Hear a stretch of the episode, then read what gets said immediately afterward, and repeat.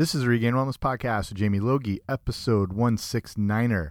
How should you approach your health and fitness in the new year?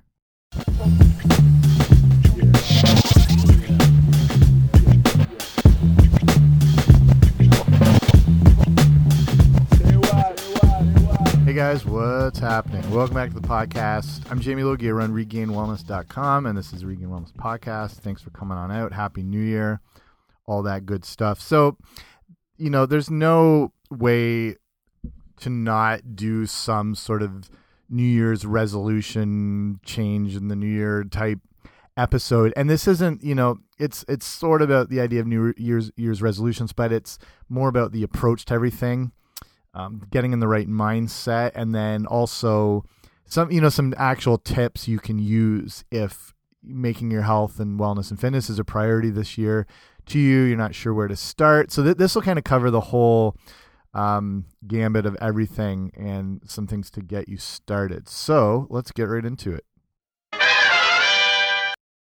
So it's a weird time of year because we're coming out of this sort of onslaught of excess and food and drink and indulgement and all that sort of thing for the last two, three weeks, or depending how far back like any Christmas or holiday festivities go. And so like I did a whole episode, actually the last episode, all about how to like kind of navigate your way through all that if your you know your health and nutrition and diet and everything is important to you, but like to still enjoy yourself at the same time. And the main takeaway I had from that is during this time of year is you know allowing yourself to indulge but not overindulging where you just kind of create this I don't know um super excessive situation that's you know hard to come back from. It's not that you're like you know what you do during the holiday season is just going to completely derail everything but it, it, it can be an issue. I mean the average weight gain over the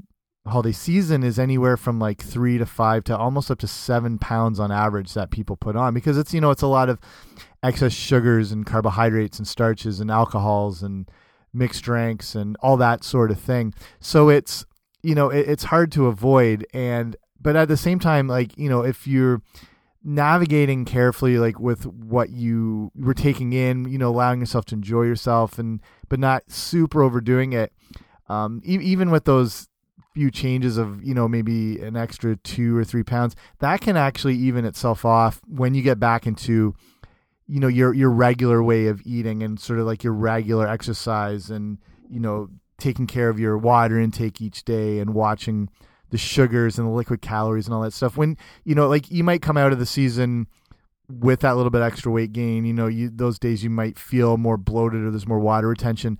That stuff it can even itself out pretty easily. But like you know if it goes completely off the rails you're walking into the new year and it's hard not to ignore the sort of avalanche of New Year's resolutions and getting fit and you know or, or other goals like quitting smoking or budgeting better and whatever.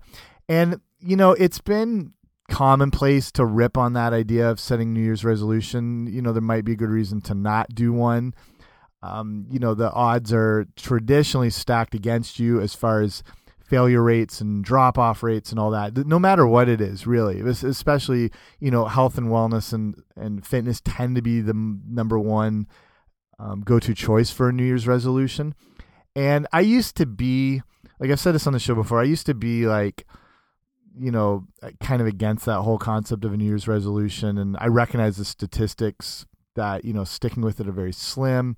But I, i've kind of changed that approach because i still believe that setting that New Year's goal or your goal for the entire um, 2019 is still very effective if it's done in a very specific way. Um, it's it, it's tough to like ignore for every article you see online talking about like here's how to get fit and here's how to improve your cardio for 20 and all that sort of stuff. There's some saying like don't waste your time and whatever and i think that's actually a very negative approach now and i think that's an easy way out to say what's the point when it, the the odds are stacked against me? And I, I say they may be but because the approach is taken in the completely wrong um, mindset and i'll show you why that is in a second. So I think it, it's at the very least, it's every time the new year comes around and there's the idea of weight loss and getting fit. At the very least, it's that it's you don't want to call it like a nagging reminder, but it's that constant reminder that's automatically going to come up every year. And I think that can be effective too. Like sometimes it does take that bit of um to get in that state of being uncomfortable and that reminder to get going. And like clockwork every year, it's going to come up. And, you know, there'll be years you tend to ignore it, but that one year it might click in.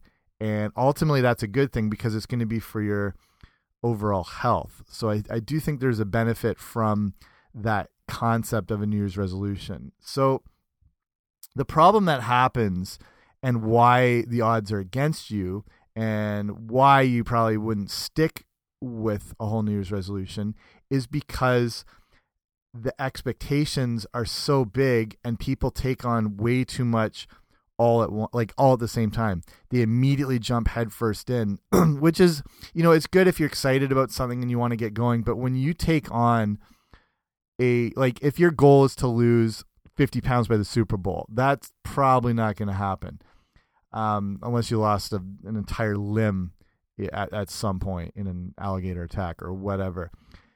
When you go from, say, doing absolutely nothing to, I want to start doing like CrossFit or like F45 boot camp classes six days a week, I want to go from eating like takeout and processed food to a completely overhauled organic diet and getting and and taking like yoga three times a week with full stretching sessions um, recovery drink. Like if you go from one day and then the next day going into that, there's no way you're going to keep up with it. It's just completely overwhelming. It's going to leave you frustrated. It's going to leave you um, feeling failure in a sense, and that's why any of these type of New Year's resolutions have these bad fail rates is because people take on way too much at once. When instead you want to look at more of an idea of a slow, steady habit forming and building um, road in 2019. And you, you you're looking months down the line here. You're not looking like what things are going to look like at the end of January. Like you're talking like June and July.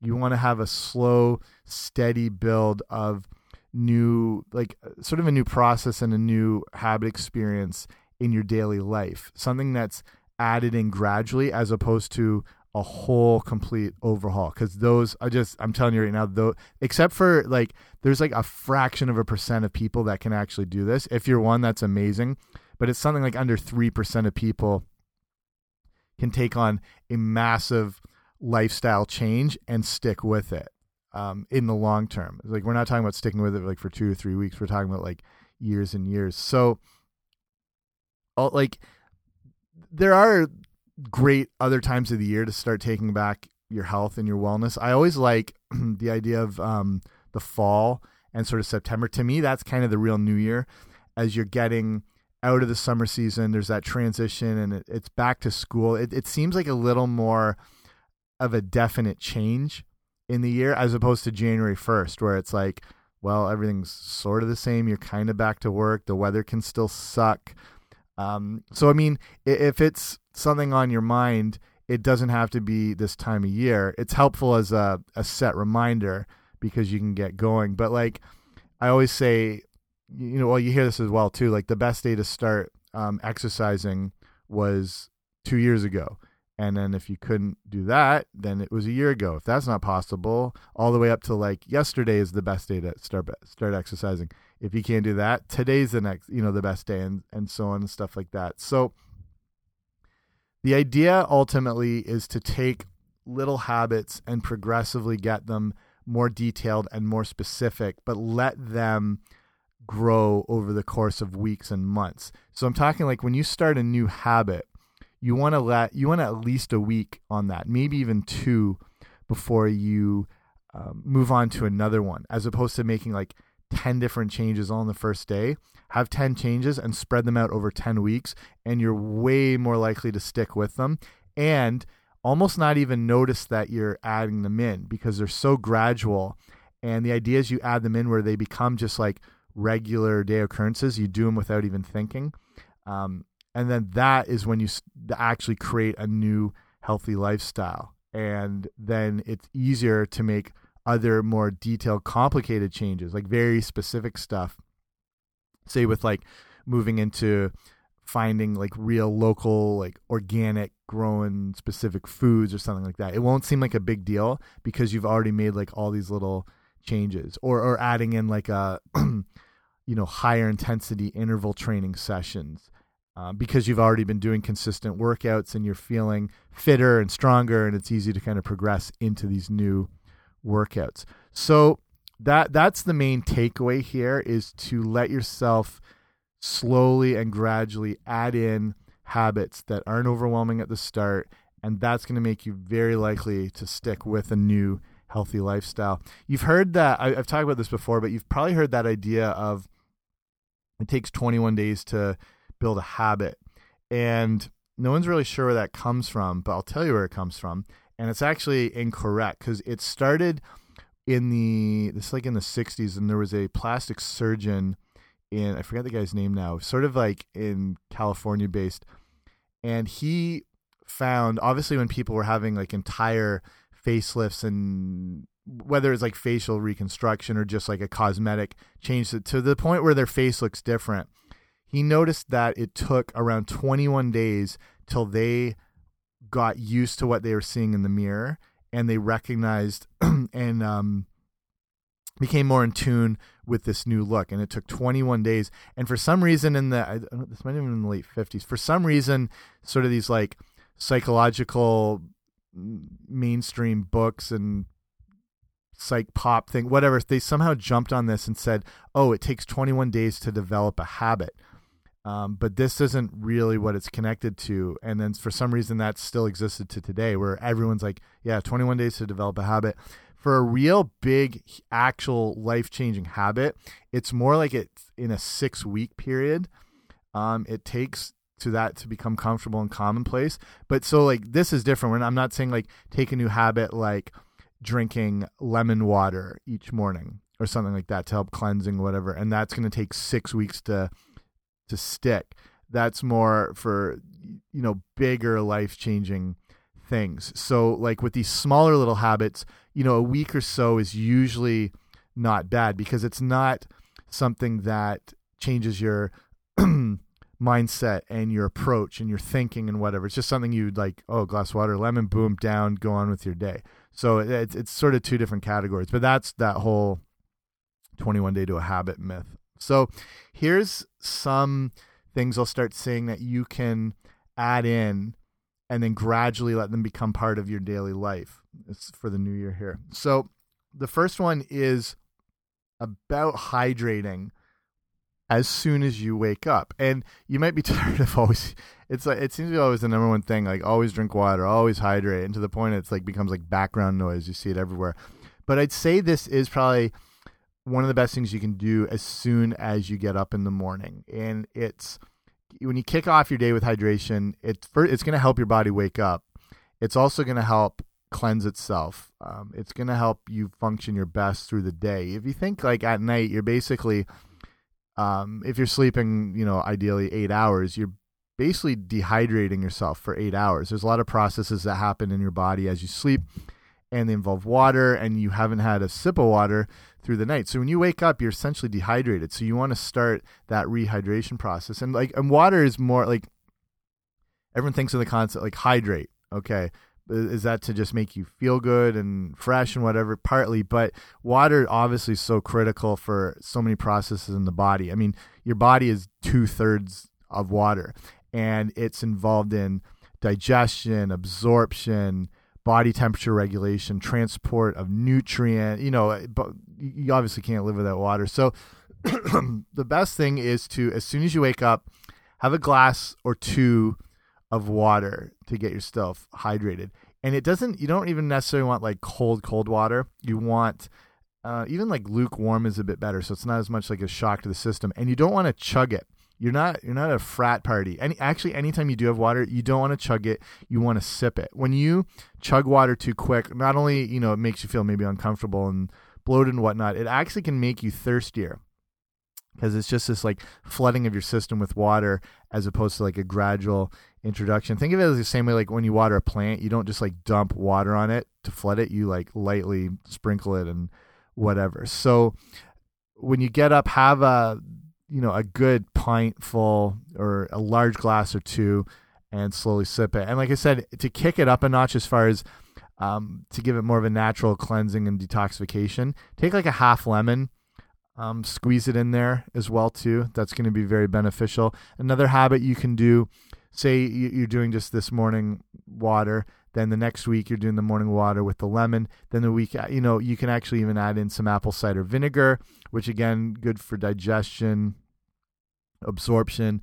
There's a lot of um, good B vitamins in it. Um, there, apple cider vinegar can do quite a lot. I did a whole. I won't go into it because it actually gets pretty um, detailed as far as a lot of the research and science. But you can check it out. I did a whole show on it. So if you want to go today to regainedwellness.com/slash one six nine, that's going to have all the show notes and it's I'll link up episodes and other things I'm talking about. So I'll do that one on apple cider vinegar and if you it, it's pretty amazing stuff and it's pretty cheap and easy to add in to things like this like having that first couple glasses of water in the morning with that lemon and um to get yourself going. Okay. So i'm going to follow up. The next thing you can do it, eh, through the new year and getting yourself healthy and well and everything is to eh, with the water is increase your daily water intake. And like I said, with how important water is, with all that stuff like digestion, absorption, circulation, all uh, like even like your cognitive function, your focus, your memory, your concentration, water's so crucial for all that. So it's, you know, there's a good chance on any given day you are probably dehydrated through a, a, majority of it, so your body's not functioning as good as you as it can. But you do that so often that you get used to being in that state, and you might not necessarily notice it. Um, so your goal now is to start drinking half your body weight in ounces of water each day. So if you haven't been doing that already, it, it, can be a little tough to just jump into that. And that's another thing I'd say, like, don't just go full board with having like no water each day into drinking half your body weight. But if you've taken that first habit with like having that large glass or two each day, that's a good jump jumping off point and you're not going to need as much later on through the day and it's easier to get. So you want to just like, you know, take your weight, cut it in half. Uh, so it's in, in pounds. so find out your body weight in pounds, divide that in half, and that's how many ounces of water you want to take in each day. And it's also important, like I'm saying, like a lot of people are dehydrated probably. If you're drinking, I imagine, coffees or something at some point, caffeine is a tough one. Uh, it acts as a diuretic and it can lead to dehydration.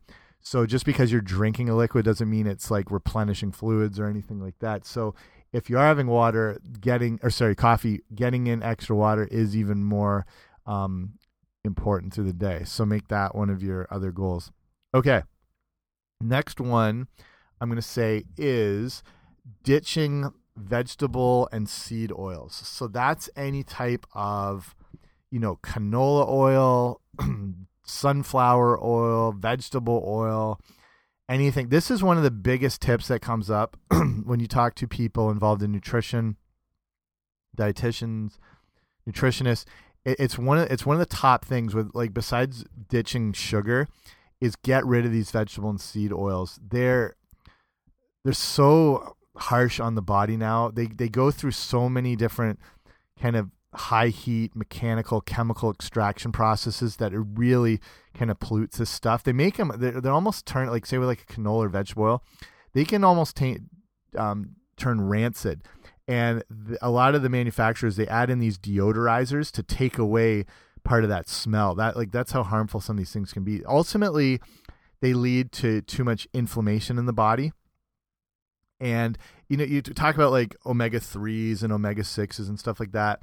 Ideally you want more of an omega 3 um, you want to sort of favor that as opposed to omega 6s um, some omega 6s are good and clean but you want like a ideally like a one to one ratio in your body of omega 3 to um, omega 6 maybe like a two to one but with the with the amount of like processed um, foods and like all the vegetable oil oil based things and processed package whatever our omega 3 to 6 ratio is like 20 to 1 maybe even 40 to 1 depending on how much of that stuff you eat. So that's when you have that misbalance in the body that leads to some real infl inflammation and inflammation eh, can be seen to be at the root of a lot of bad diseases. So to keep thing think of like inflammation you know like when you if you get like a, a splinter on your finger and how it gets red and swollen. That's inflammation happening that you can feel. That can happen in your body, but you're not going to notice it the same way you would like on your hand.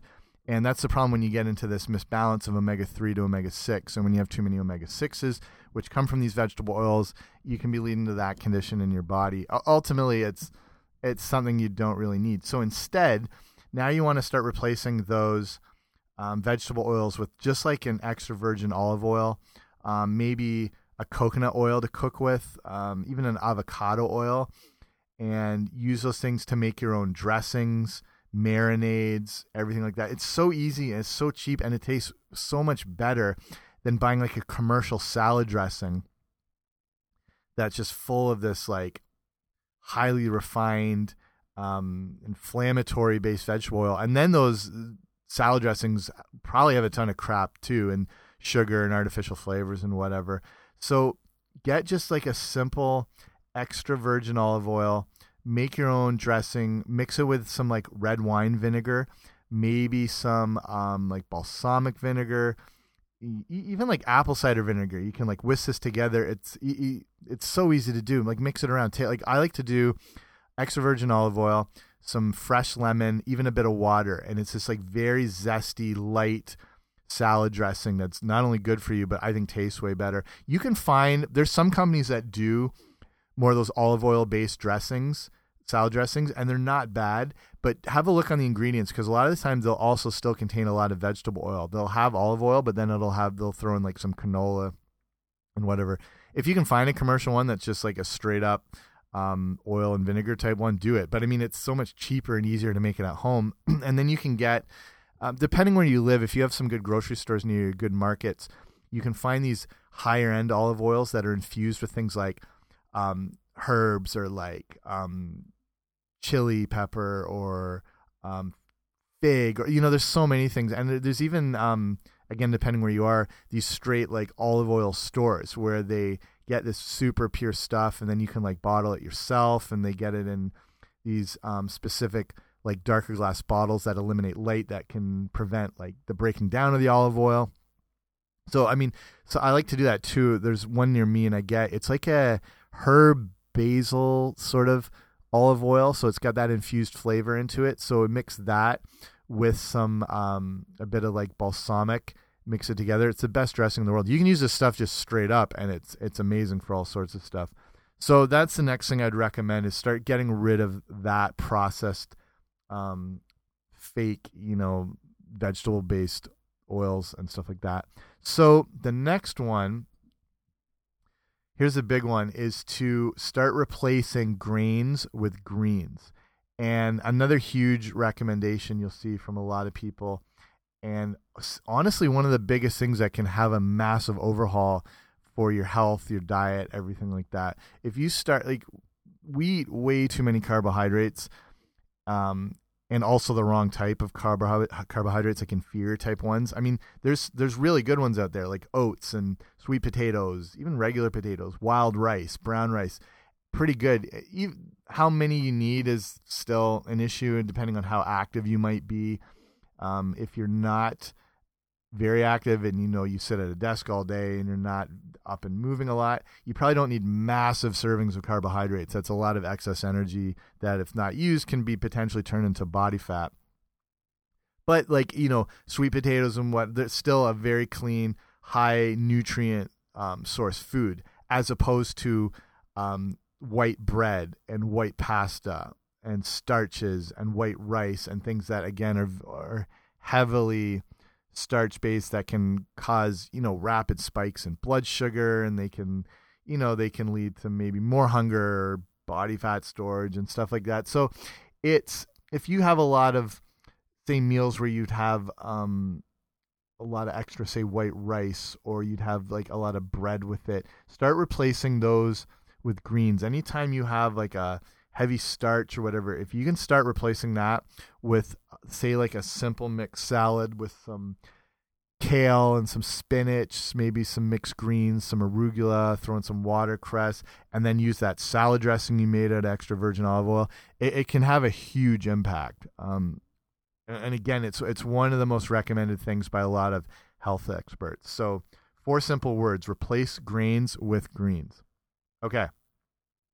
The next one, not a specific nutrition tip, but probably one of the biggest um, things overall that can help with your health and wellness is just getting more sleep. And again, something I've covered a ton on this show. And if you're here for the first time, I've got a lot of episodes on a lot of different stuff and with a lot of nutrition experts and fitness experts and um, TV show cooking challenger, you know, people who've been on MasterChef and Top Chef and and whatever. So I've covered a lot of thing and I cover sleep quite a bit. So if you want more detailed info on some of these episodes I've done in sleep and how to get better sleep and like what your room should be set up like in your bed and all that.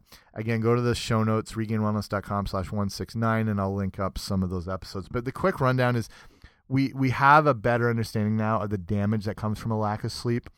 And, and to sum it up quickly, the less you sleep, the more stress hormones you have in your body, and they can cause a lot of problem. And I'm pretty sure your day is full of enough stress as it is. And the way that you burn off those stress hormones is through sleep. That's that's part of what it does among a lot of other other functions. It helps burn that off. So you know, seven to eight hours is still the the good target, and you know maybe six you can get by with. I you know ideally somewhere between six to eight. And if, when you don't sleep, your body thinks there's some sort of trauma going on, or else why wouldn't you be asleep? And then that's when that stress hormone release comes out.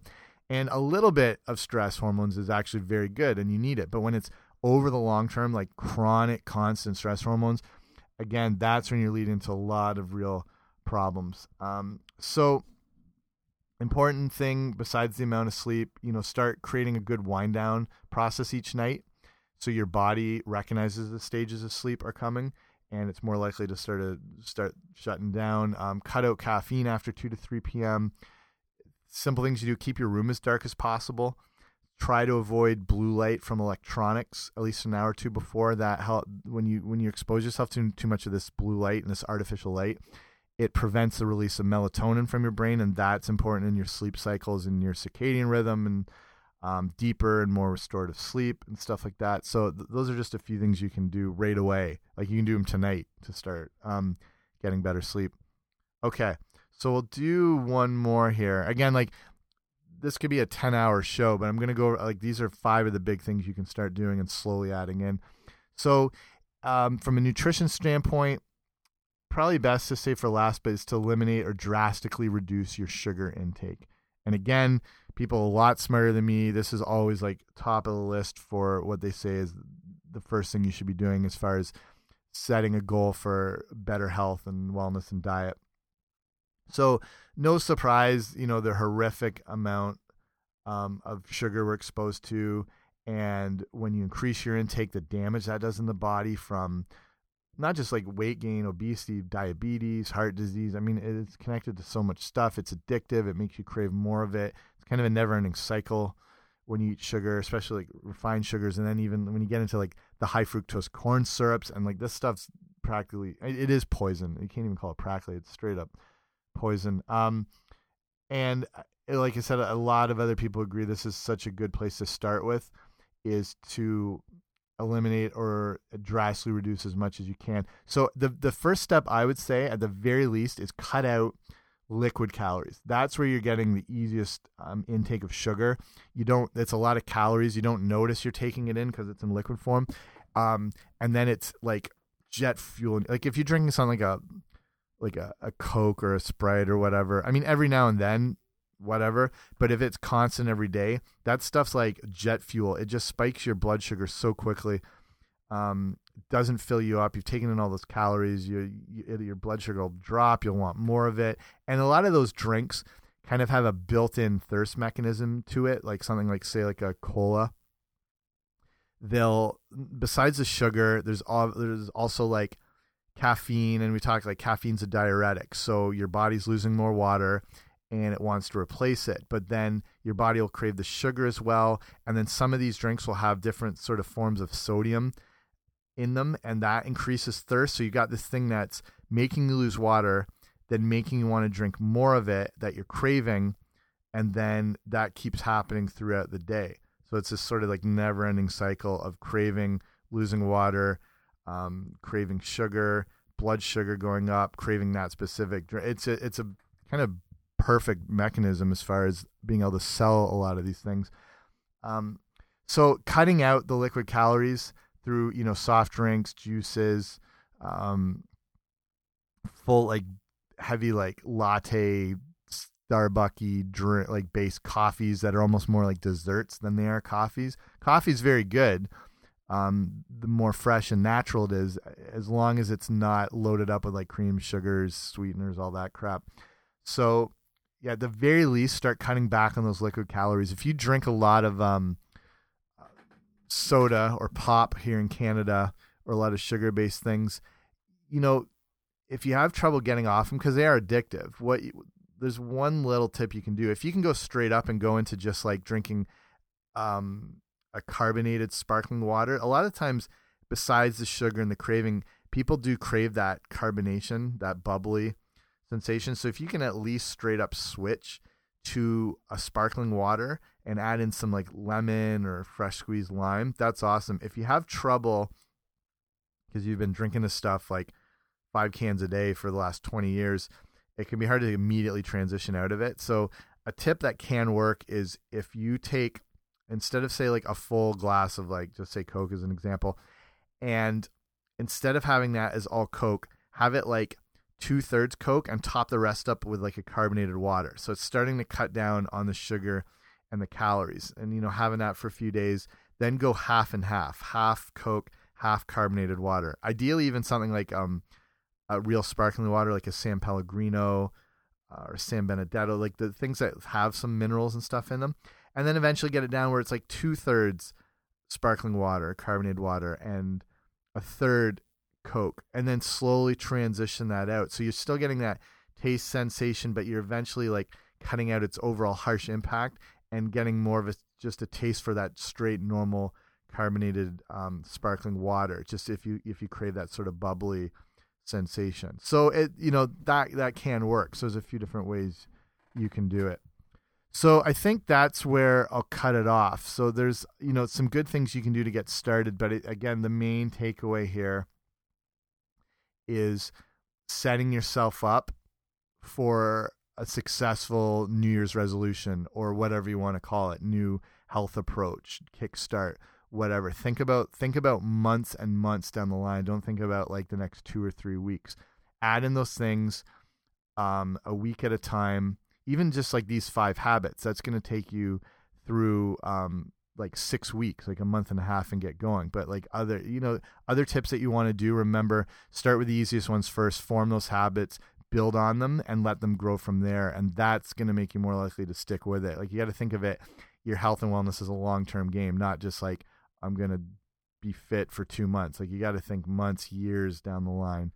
So if that's um, something you need help with as well, I do online health and nutrition coaching, and that's you know it's like a way to more um, ex like access your goals because it's you're being held accountable. Like that's the whole point of a nutrition coach or any form of coach is if you're kind of left your alone, you're on your own and not have anyone checking in or you don't have to check in with anyone and be like oh here's what i ate this day and here's what the week looked like and to adjust it, it it's hard if you're you, a lot of people do have that ability and they can keep themselves accountable but if it's something you think you need more guidance and then more specific like info as far as um, what to eat and planning out meals and portion size and you know all that sort of thing that's something i do. So if you want more info as well you can go to uh, regainedwellness.com slash coaching and get a little more from that and get a little more insight into like what's involved with it. And because it like